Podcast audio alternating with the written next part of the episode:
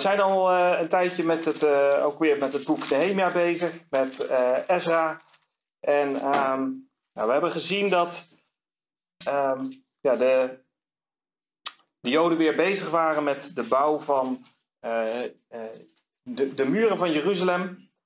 En dat er ontzettend veel weerstand was. We hebben al verschillende weerstanden gezien. En vandaag gaan we een stuk lezen uit Nehemia 5. En daar zien we weer een geniepige aanval van de Satan. Maar dan nu uh, door het vlees heen van mensen. Door geldzucht en egoïsme. Uh, de Bijbel waarschuwt er ons voor in Hebreeën 13, vers 5 en 6. Laat uw handelwijze zonder geldzucht zijn. Wees tevreden met wat u hebt, want hij heeft zelf gezegd: Ik zal u beslist niet loslaten en ik zal u beslist niet verlaten. Daarom zeggen wij met goede moed: De Heere is voor mij een helper en ik zal niet vrezen. Wat zal een mens mij doen? Laat uw handelwijze zonder geldzucht zijn. Dus wij moeten leven en daar moet uh, de, de, de zucht naar geld, het verlangen naar geld, moet daar absoluut geen plek in hebben. En een, een, tweede bekend vers is de werken van het uh, vlees uit uh, Gelaten 5.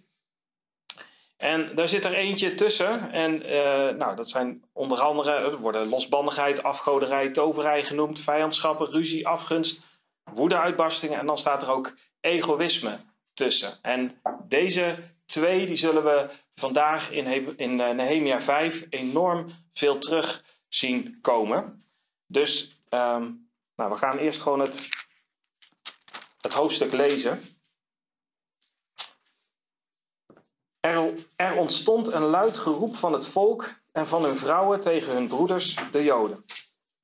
En er waren er die zeiden: Onze zonen en onze dochters en wij zelf zijn met velen. Dus moeten wij aan graan zien te komen, zodat wij kunnen eten en in leven blijven. Ook waren er die zeiden: We staan op het punt onze velden, onze wijngaarden en onze huizen tot onderpand te geven, zodat we aan graan kunnen komen tegen de honger. Verder waren er die zeiden: We hebben geld geleend voor de belasting aan de koning op onze velden en onze wijngaarden. Welnu, zoals het vlees van onze broeders is ook ons vlees, en zoals hun zonen zijn ook onze zonen. En zie, wij staan op het punt onze zonen en onze dochters aan de slavernij te onderwerpen, en er zijn er van onze dochters die al aan de slavernij zijn onderworpen, en dat buiten onze macht en onze velden en onze wijngaarden behoren aan anderen toe. Ik ontstak in hevige woede toen ik hun geroep en deze dingen hoorde. Ik ging bij mezelf te raden en ik riep de edelen en de machthebbers ter verantwoording en zei tegen hen: U leent geld uit tegen rente, ieder aan zijn broeder. En vervolgens belegde ik een grote vergadering tegen hen. Ik zei tegen hen: we hebben onze broeders, de Joden, die aan de heidevolken verkocht waren, teruggekocht, zoveel als in ons vermogen lag. Gaat u nu weer uw broeders verkopen, zodat ze weer aan ons zouden worden verkocht? Toen zwegen zij en vonden geen antwoord. En ik zei: Wat u doet is niet goed. Moet u niet wandelen in de vrezen van onze God vanwege de smaad van de heidevolken, onze vijanden?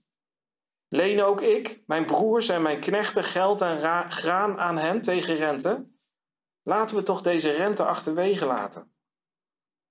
Geef hun toch vandaag nog hun velden, hun wijngaarden, hun olijfbomen en hun huizen terug. En ook het honderdste deel van het geld en het graan, de nieuwe wijn en olie die u hun leent. Toen zeiden ze: We zullen het teruggeven en wij zullen niets meer van hen eisen. Zo zullen we doen zoals u het zegt. Toen riep ik de priesters en ik liet hen zweren om dien overeenkomstig te handelen. Ook schudde ik de plooi van mijn mantel uit en ik zei: Zo mogen God elke man die dit woord niet gestand zal doen, uitschudden uit zijn huis en uit zijn arbeid, en zo mogen hij uitgeschud en leeg zijn. En de, en de hele gemeente zei: Amen. En zij prezen de Heere en het volk handelde dien overeenkomstig. Overigens Vanaf de dag waarop de koning mij de opdracht heeft gegeven om landvoogd te zijn in het land Juda, vanaf het twintigste jaar tot het 32ste jaar van koning Artasasta, twaalf jaar, hebben ik en mijn broers het brood, bestemd voor de landvoogd, niet gegeten. Maar de eerdere landvoogden die er voor mij waren, hadden het zwaar gemaakt voor het volk. En ze hadden brood en wijn van hen genomen en daarna nog veertig sikkel zilver. Ook heersten hun knechten over het volk, maar ik heb zo niet gehandeld, omdat ik God vreesde. Ook voor het werk aan deze muur heb ik mij sterk gemaakt, en we hebben geen grondbezit verworven, en al mijn knechten waren daar bij elkaar voor het werk. De Joden en de machthebbers, 150 man, en zij die naar ons toe waren gekomen uit de heidevolken die zich rondom ons bevinden, aten aan mijn tafel. En wat klaargemaakt werd voor één dag, dat was voor mij werden klaargemaakt één rund, zes uitgelezen stuks kleinvee en vogels en met een tussenpoos van tien dagen zeer veel van allerlei soorten wijn. En bovendien eiste ik niet het brood bestemd voor de landvoogd, want de dienstbaarheid drukte zwaar op dit volk. Denk toch aan mij, mijn God, ten goede, om alles wat ik heb gedaan voor dit volk. Ja, we zien dus in uh, het begin van hoofdstuk 5 zien we een uh, grote groep aan armen die klaagt. En we vinden in vers uh, eh, 1 en 2 vinden we mensen zonder grond die honger hadden. Dat vind je in vers 2 en 3. Wij, wij, wij zelf zijn met velen en we moeten aan graan zien te komen, zodat wij kunnen eten en in leven blijven. We hebben grondbezitters en huisbezitters die wilden lenen um, met dat wat ze hadden als onderpand. Dat uh, vinden we in vers 3. Ook waren er die zeiden: um, Wij staan op het punt onze velden, onze wijngaarden en onze huizen tot onderpand te geven, zodat we aan graan kunnen komen tegen de honger. We zien ook mensen die hun bezit al als onderpand hadden gegeven en het kwijt waren geraakt of zelfs uit noodzaak verkocht hadden. Dat zien we in uh, vers 5.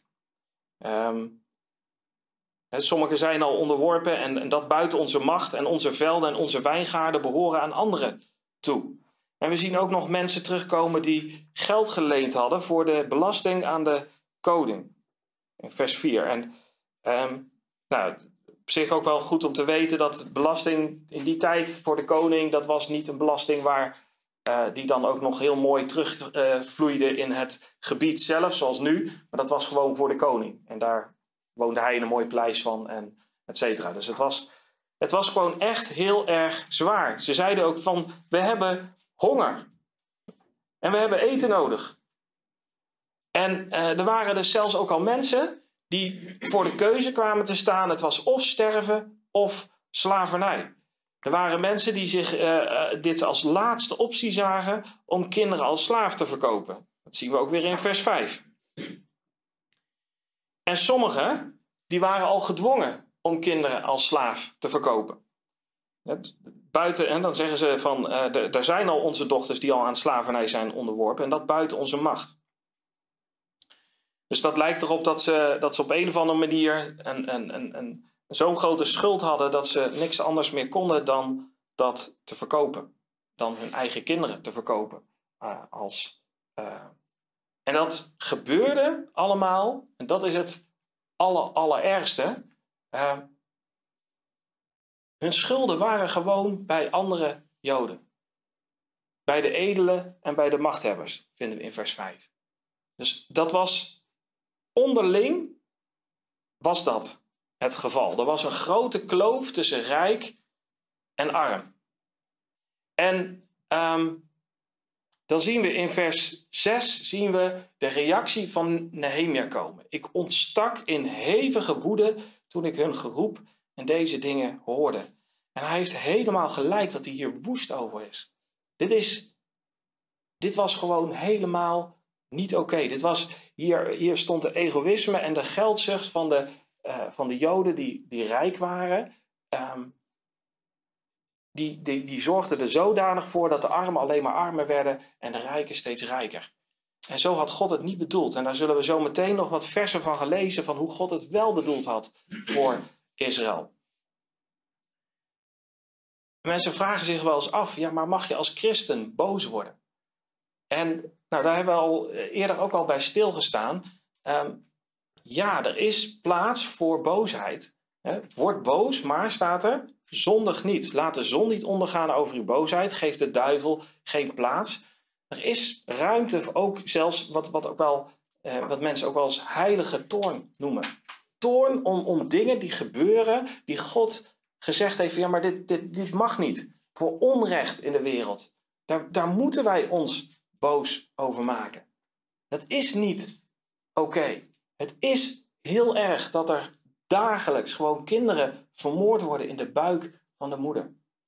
Dat is gewoon heel erg. En dat is onrecht. En daar moeten wij niet zomaar overheen stappen en denken van nou ja, het zal wel. Nee, daar mogen we ons en daar moeten we ons boos over maken.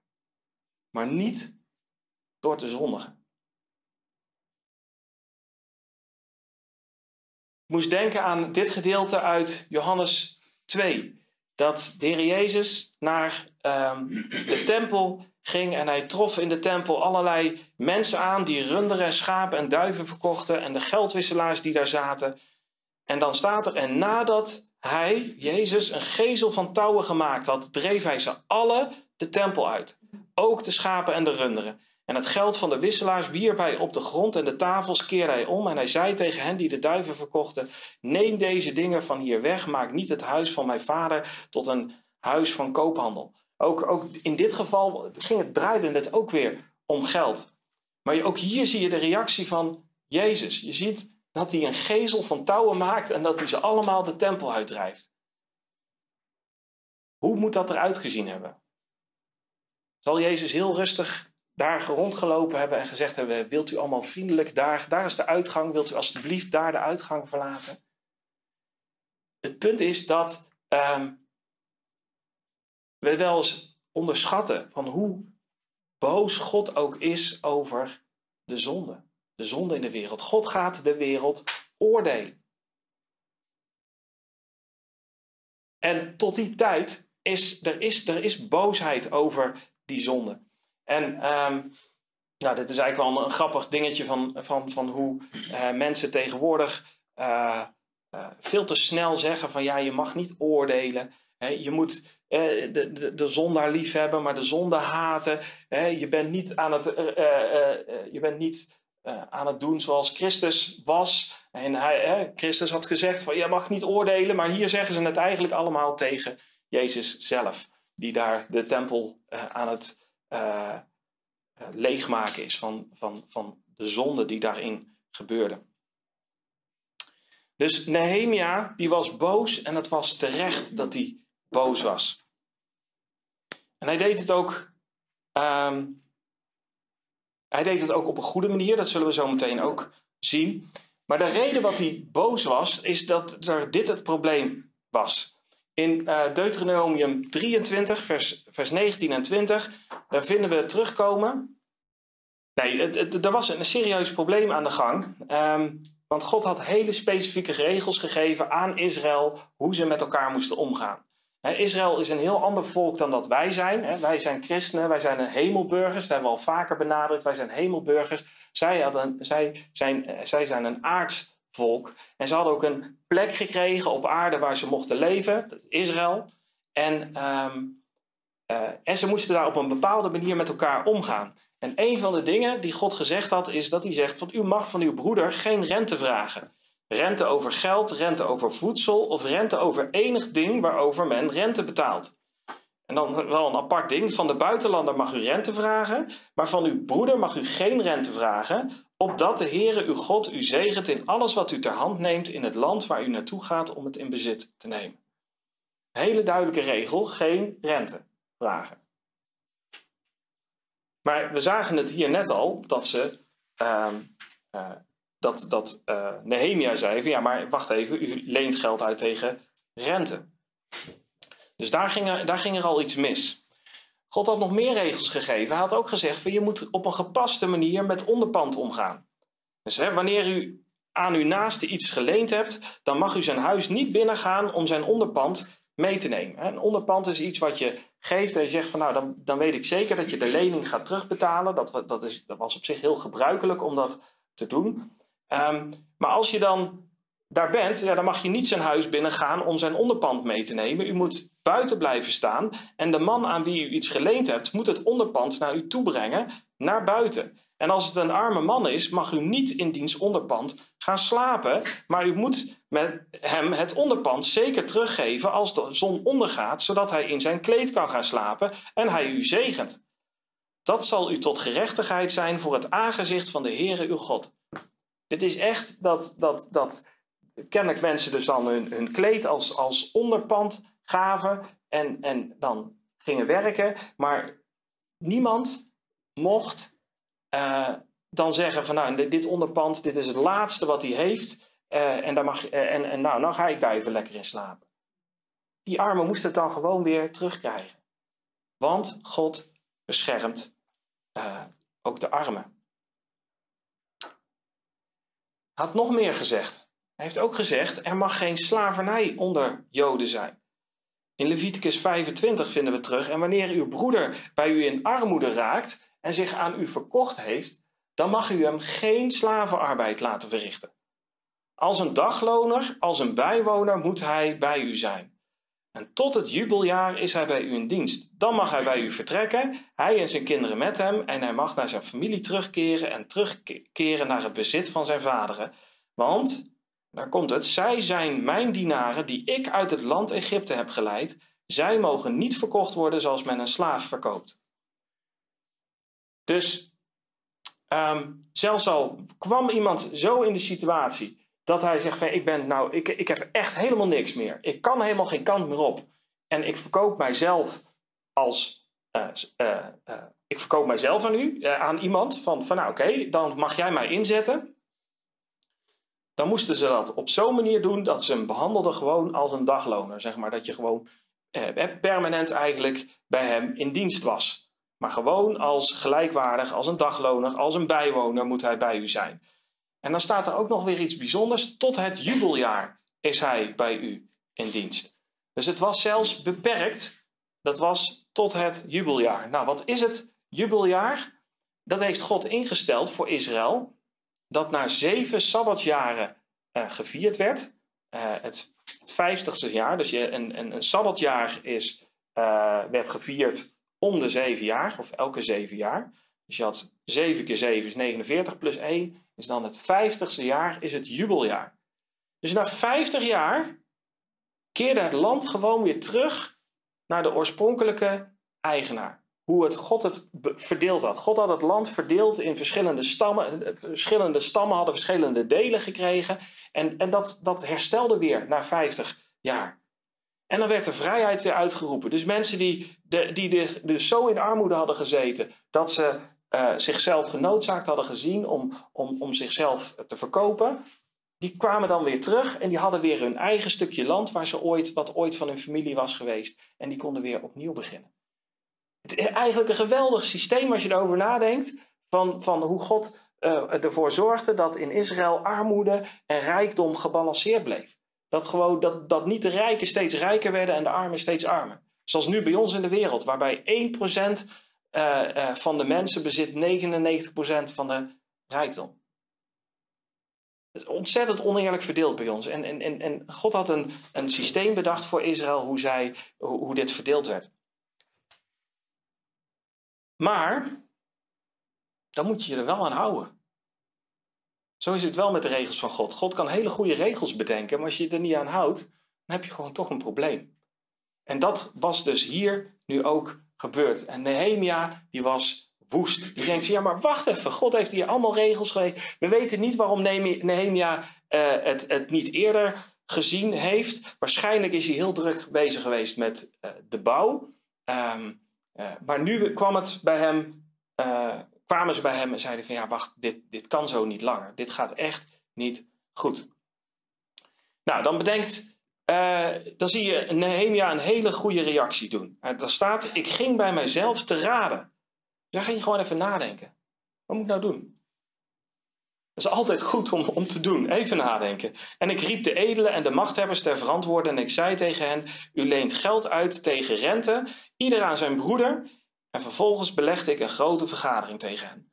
Dus hij begint met nadenken. Van dat gevoel wat hij had, die boosheid die hij had. Is dat alleen maar emotie of, of kun je het ook nog ergens de vinger erop leggen? Wat is er precies aan de hand? Wat zegt Gods woord erover? Wat zijn de opties die we kunnen doen? Etcetera, etcetera. Dat is wat hij laat zien als voorbeeld. Even nadenken. En vervolgens doet hij een duidelijke aanklacht tegen de uh, verantwoordelijke. Dus hij zegt van, van uh, hij, degene die, de, de elende machthebbers, die, dat waren de, de, rijke partijen, en die zegt van ja, maar wacht even, dit gaat niet goed. En hij formuleert hij ook een duidelijke aanklacht. Hij zegt, u leent geld uit tegen rente, ieder aan zijn broeder. Bam, dat wist iedereen, dat kon niet. En daarop wil ik een vergadering hebben. En dan vervolgens haalt hij ze allemaal bij elkaar. En dan zien we de aanklacht komen. Um, geldzucht en egoïsme. U leent geld uit tegen rente, ieder aan zijn broeder. En hij zegt eigenlijk, je ziet in dit gedeelte, zie je heel vaak zie je het woordje broeder terugkomen. Broeder, broeder, broeder, broeder. Hij zegt, we zijn allemaal broeders. Ga je zo met elkaar om? Tweeledig. God heeft het verboden. Maar bedenk ook eens, je bent allemaal van hetzelfde volk. Je, je, je, je hoort van elkaar te houden, je hoort elkaar te beschermen, je hoort voor elkaar te zorgen. En, en hoezo ga je dan zo met elkaar om? En dan zien we ook dat hij zegt van, ik, hè, we hebben onze broeders, de Joden, die aan de heidevolken verkocht waren, teruggekocht, zoveel als in ons vermogen lag. Dus ze hebben kennelijk heel veel moeite gedaan om, om mensen die in slavernij waren, om die weer terug te halen, om die uh, weer in, uh, in, in, in Israël te laten zijn. En dan zegt hij, en gaat u nu weer uw broeders verkopen, zodat ze weer aan ons zouden worden verkocht. Hij zegt tegen hen van, jongens, God heeft ons uit de slavernij van Egypte bevrijd. God heeft ons uit de ballingschap van Babel bevrijd. En gaan jullie nu weer slaven van elkaar maken?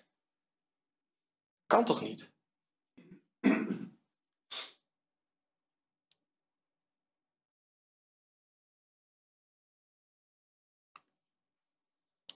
Punt is dat geldzucht maakt heel veel kapot. En egoïsme maken heel veel kapot.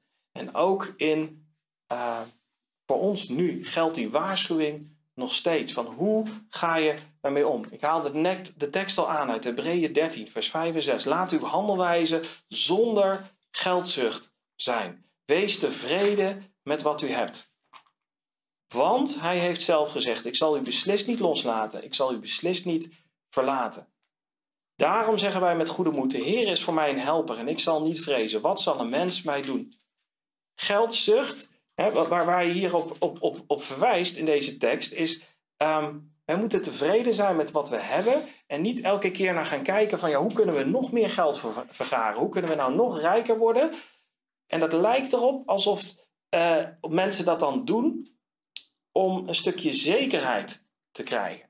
Mensen hebben vaak gewoon, als je geld op je bankrekening hebt staan, is dat een vorm van zekerheid.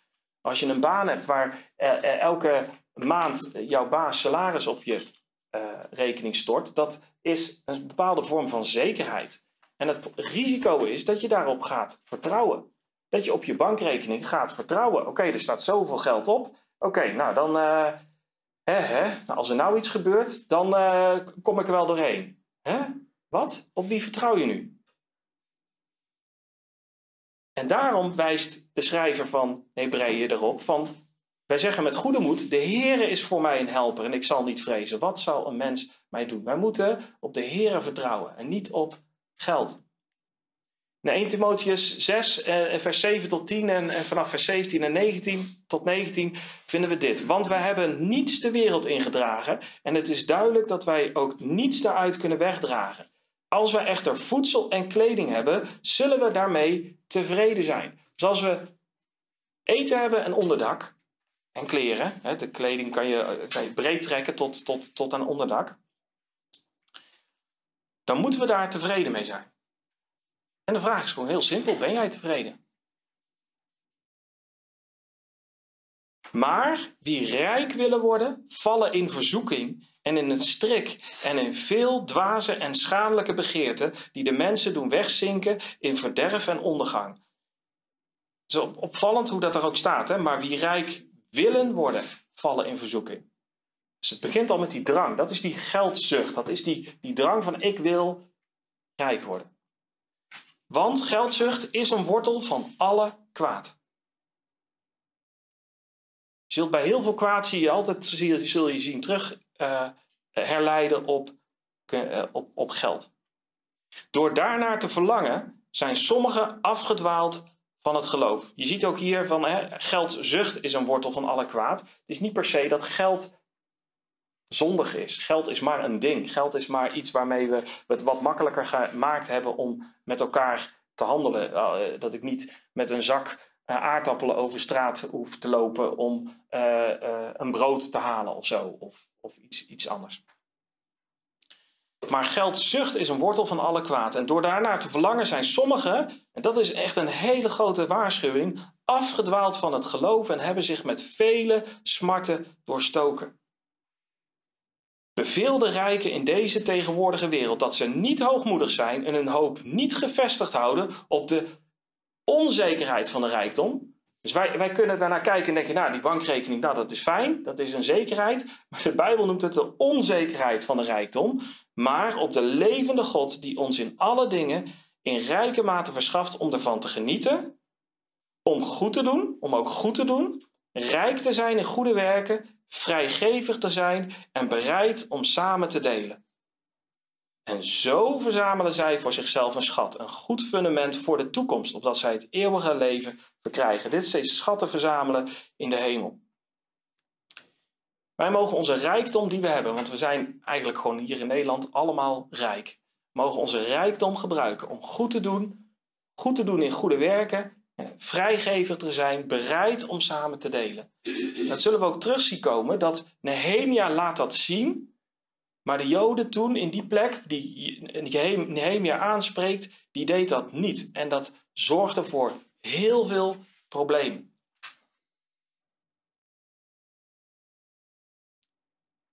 We hebben hier al wat vaker bij stilgestaan. Bij de gelijkenis van de zaaien die eh, Jezus heeft gegeven. En die derde grond, vergeet die niet.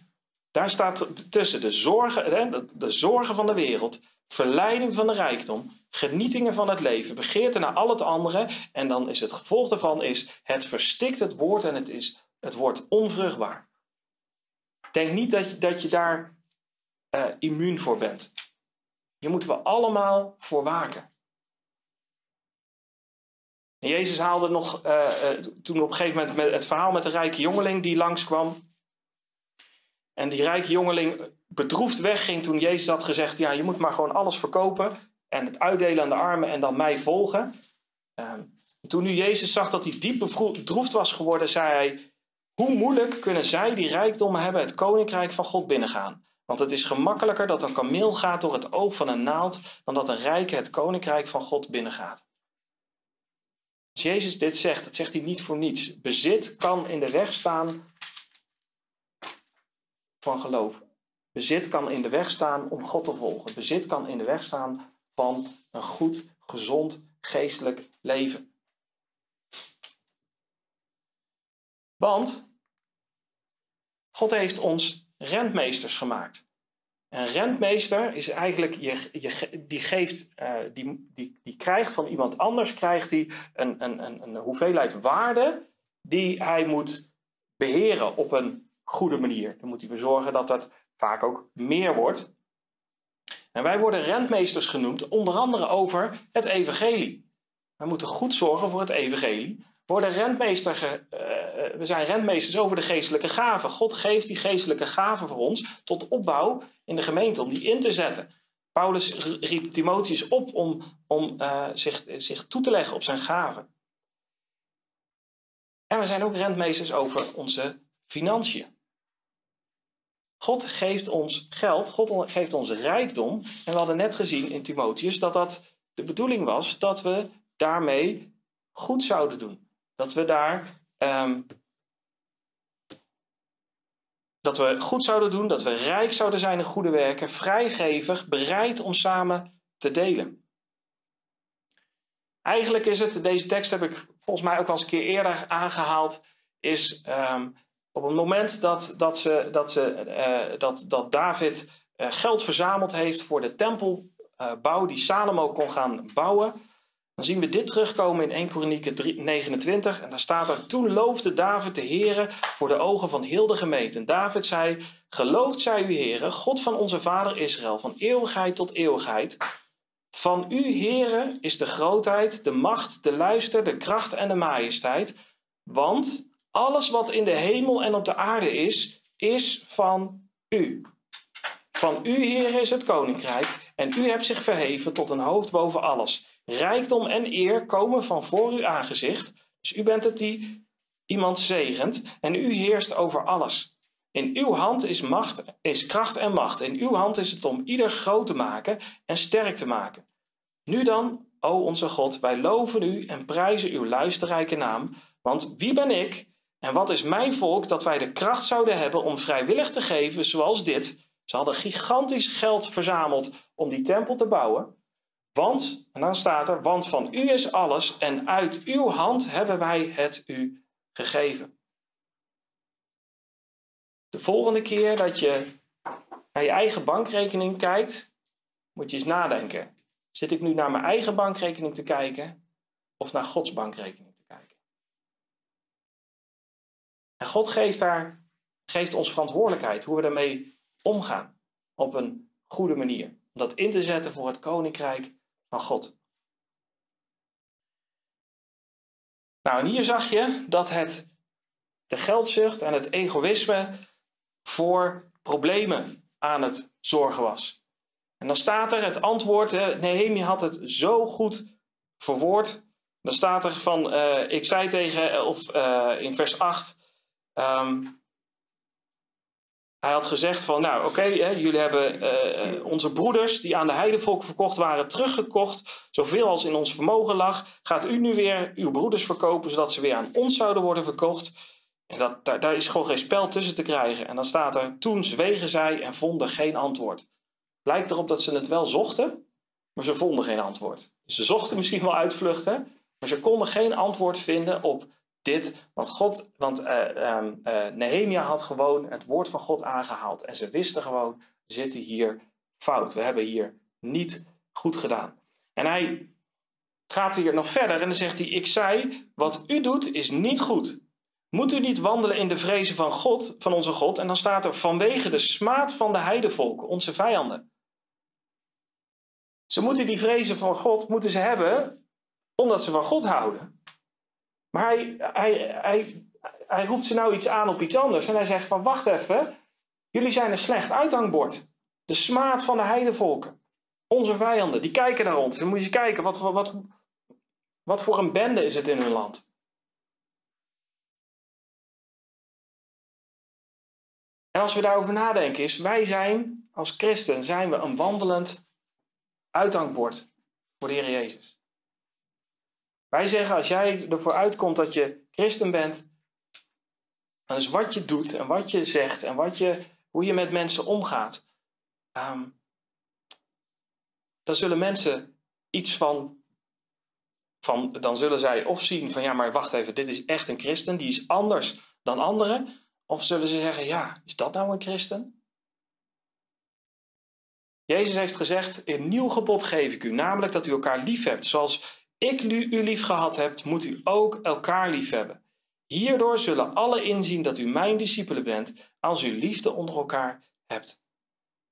Dat is wat er moet zijn bij ons onder elkaar, onder gelovigen, is dat mensen zien, ze, hebben, ze houden van elkaar, ze komen voor elkaar op. Ze hebben het lef om elkaar op een liefdevolle wijze terecht te wijzen als het niet goed gaat. Om elkaar te bemoedigen als het wel goed gaat. Om elkaar aan te sporen. De vraag is, ben jij een negatief of een positief uithangbord? En deze mensen met hun houding waarbij ze gewoon Gods woord hadden genegeerd waren een, een negatief uithangbord. Maar dan komt er iets moois. Nehemia. Nehemia zegt, doe zoals ik doe. Hij is een voorbeeld voor de kudde. Hij zegt dan in vers 10: Lenen ook ik, mijn broers en mijn knechten geld en, en graan aan hen tegen rente. Laten we deze rente achterwege laten. Hij geeft zelf het goede voorbeeld. Hij zegt van: Zullen we dat nou maar gewoon eens even niet doen? En hij zegt hier ook we. Laten we toch de rente achterwege laten. Hij zegt, jongens, dit moeten we niet doen. En in Nehemia 5 vers 15, uh, een stuk verderop hebben we ook gezien, maar ik heb zo niet gehandeld omdat ik God vreesde. Hij, hij wijst voortdurend op het feit van dat hij zegt van ja, maar ik heb die keuzes, ik heb andere keuzes gemaakt dan anderen, want ik vreesde God. Nehemia is hier zo'n geweldig voorbeeld. Hij zegt van ik ben een voorbeeld voor de kudde, maar hij doet dit op zo'n bescheiden manier. Maar hij, hij zegt wel van ja, maar jongens, kijk maar. Nehemia was een man die, die, die tegen de stroom in ging, terwijl de rest van de wereld om hem heen allemaal andere dingen deed. Hij deed gewoon wat God van hem vroeg. En dit is wat God ook aan de oudste heeft meegegeven als opdracht. Hoed de kudde van God die bij u is en houd daar toezicht op. Niet gedwongen, maar vrijwillig. Niet uit winstbejag, maar bereidwillig. Ook niet als mensen die heerschappij voeren over het erfdeel van de Heeren, maar als mensen die voorbeelden voor de kudde geworden zijn. Nehemia was zo'n voorbeeld. En als de opperherder verschijnt, dan zult u de onverwelkbare krans van de heerlijkheid verkrijgen. En daar moeten we heel, als ik zo'n tekst aanhaal, daar moeten wij heel open voor zijn. Als, als, als, als ik of als Philip geen goed voorbeeld zijn, spreek ons erop aan. Wijs ons terecht. Want dat, dat hoort. We willen een voorbeeld zijn. En dat, ik, ik, weet, ik, ja, ik weet wel, denk ik, hoe Philip zich voelt. Maar we voelen ons tekortschieten. We voelen ons.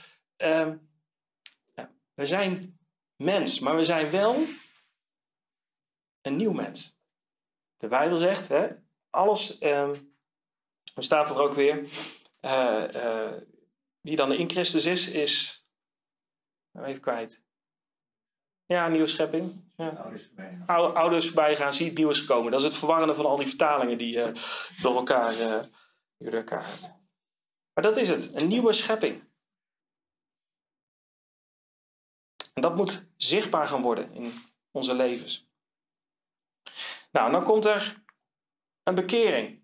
Een bekering en hernieuwde afspraken. In Nehemia 5 vers 11. Geef hun toch vandaag nog hun velden, hun wijngaarden, hun olijfbomen en hun huizen terug. En ook het honderdste deel van het geld en het graan, de nieuwe wijn en de olie die u, hun leent.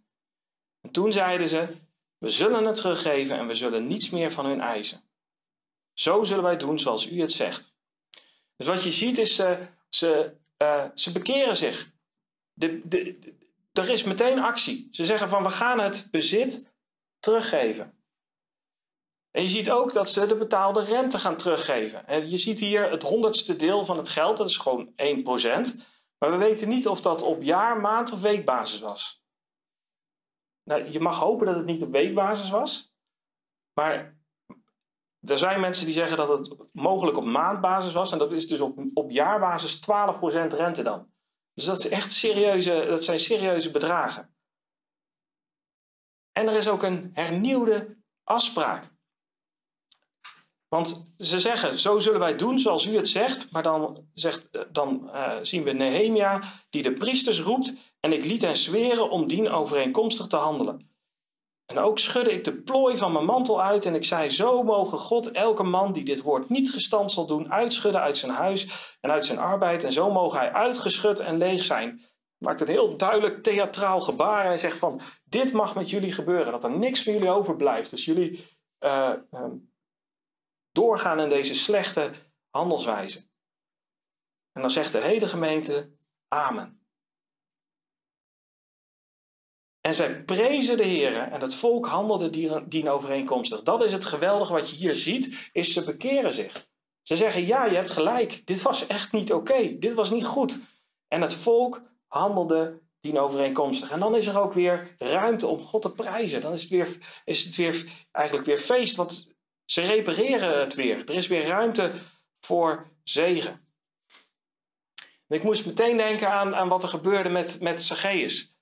Zacchaeus, de tollenaar, eh, die door Jezus eh, naar beneden geroepen werd uit de boom en zei van, ik wil bij jou in het huis komen. En dan staat er, en hij haastte zich en kwam naar beneden en ontving hem met blijdschap. En dan zien we staan, en Zacchaeus nu ging staan toen, toen mensen aan het mopperen waren, eh, van dat, dat Jezus bij een zondaar naar binnen was gegaan. En hij zei tegen de Heer, zie, de helft van mijn goederen, heren, geef ik aan de armen. En als ik van iemand iets heb afgeperst, geef ik dat vierdubbel terug. En toen zei Jezus tegen hem, heden is dit huis zaligheid ten deel gevallen, omdat ook deze een zoon van Abraham is. Als jij wil weten of jij je werkelijk bekeerd hebt, dan moet je kijken naar je acties in je leven. Wat doe je ermee? Wat doe je met je geloof? Dat, dat is, je acties zijn het beste bewijs van wat er gebeurd is van binnen. je ziet hier Zacchaeus meteen het teruggeven. En je ziet ook hier deze mensen die bekeren zich en ze doen het. Want Jacobus zegt ook van een geloof wat, wat, wat niet gepaard gaat met werken is een dood geloof.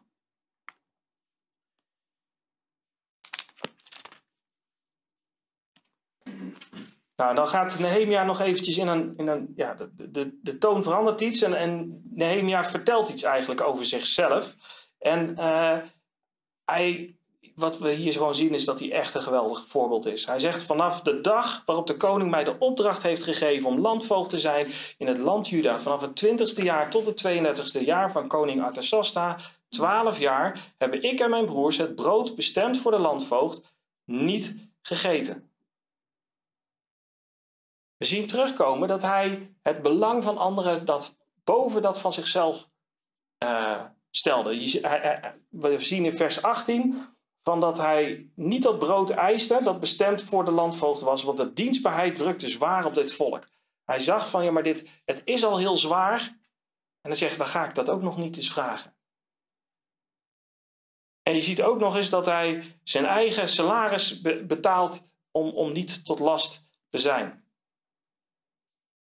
Maar die eerdere landvoogden, die hadden dat wel gedaan en die hadden het zwaar gemaakt voor het volk. En ze hadden ook hun knechten over het volk laten heersen. Waar, die knechten moesten ook weer betaald worden. Dus die hadden het zwaar gemaakt. En, en wat je hier ziet gebeuren is, is, is, is Nehemia die, die iets toepast wat we zowel in het Oude Testament zien als in het Nieuwe Testament. In het Oude Testament spreuken 1 vers 7. De vrezen des Heeren is het beginsel van de kennis. Dwazen verachten wijsheid en vermaning. Hij vreesde de Heer. Daardoor maakte hij wijze keuzes. Daardoor zag hij van ja, dit is nou niet goed om te doen. En hij had het kennelijk, had hij het goed genoeg. Hij kon dit kennelijk doen. Hij was gezegend. Hij hoefde niet uh, gebruik te maken van deze regelingen. En in Filippenzen 2, vers 3 en 4 worden we allemaal opgeroepen. Doe niets uit eigen belang of eigen dunk, maar laat in nederigheid de een de ander voortreffelijker achter dan zichzelf. Laat een ieder niet alleen oog hebben voor wat voor hemzelf is, maar laat in ieder ook oog hebben voor wat van ander is. We moeten gewoon op elkaar letten. We moeten geen egoïsme, maar juist kijken naar anderen. En dat is lastig. Daar, daar, daar moeten we voortdurend mee bezig zijn. Daar mogen we voortdurend in groeien. En Nehemia geeft hier een geweldig voorbeeld. Hij had een recht, maar hij gebruikte het niet. En um, dat, dat doet denken ook aan het beeld, het voorbeeld wat Paulus had, uh, heeft gezegd in 1 Korinthe 9, vers 11 tot 14. Dat hij uitlegt op een gegeven moment over, ja, um, iemand die het evangelie brengt, die moet van het evangelie leven. Als wij bij u het geestelijke gezaaid hebben, zegt hij dan, is het dan te veel als wij van u het stoffelijke oogsten?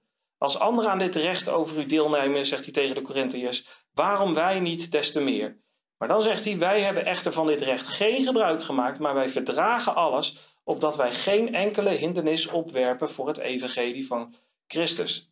Weet u niet dat zij die de tempeldienst verrichten van het heilige eten, en dat zij die steeds bij het altaar verkeren hun deel ontvangen van de offers van het altaar, zo heeft de Heer ook met het oog op hen die het evangelie verkondigen, opgedragen dat zij van het evangelie leven. Dit is de, de maatstaf. Dit is hoe het zou moeten zijn, dat mensen die het evangelie verkondigen, die zouden van het evangelie moeten leven.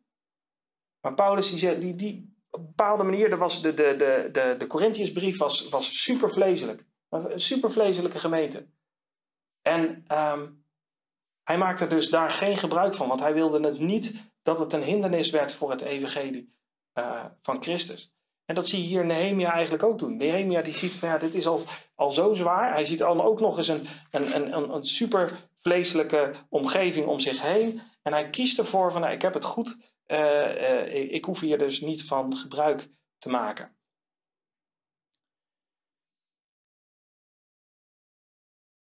En hij zegt, ook, hij zegt ook, gaat hij verder met zijn voorbeeld, want ook voor het werk aan deze muur heb ik mij sterk gemaakt en we hebben geen grondbezit verworven. Dus hij heeft niet zijn macht gebruikt om, om, om, om maar te, te uh, dingen bij elkaar nog meer bezit te hebben.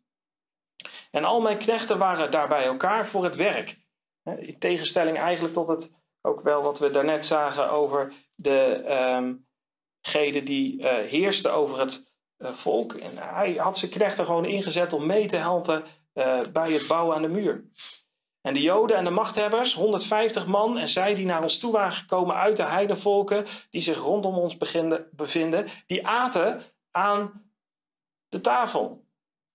Dus we zien eh, terugkomen. Hij stond met zijn voeten in de modder. Hij was gewoon vol aan het werk. Je zag dat hij zich niet aan het verrijken was in vers 16. En hij liet zijn knechten werken in plaats van heersen. En dan zie je ook nog eens, in plaats van eten te vragen, deelt hij eten uit. Dus hij is ook nog eens vrijgevig. Hij past gewoon toe wat Paulus aan Timotheus in de Timotheusbrief schreef. Alleen, nou die brief was nog niet geschreven, maar hij deed het wel. En ik vind het mooi hoe hij afsluit. Hij zegt: Denk toch aan mij, mijn God, ten goede, om alles wat ik heb gedaan voor dit volk. Je ziet, Nehemia zie je in alles zie je handelen. En je ziet hem handelen in vers 15. Ik heb, hè, ik heb zo niet gehandeld. Dus eh, ook bepaalde handelingen deed hij juist niet. En bepaalde handelingen deed hij juist wel. Omdat ik God vreesde. Hij deed het omdat hij God vreesde en niet omdat hij er iets van terug ging krijgen van God. Maar, hij zegt hier wel in vers, vers 19: Denk toch aan mij, mijn God, ten goede, om alles wat ik heb gedaan voor dit volk.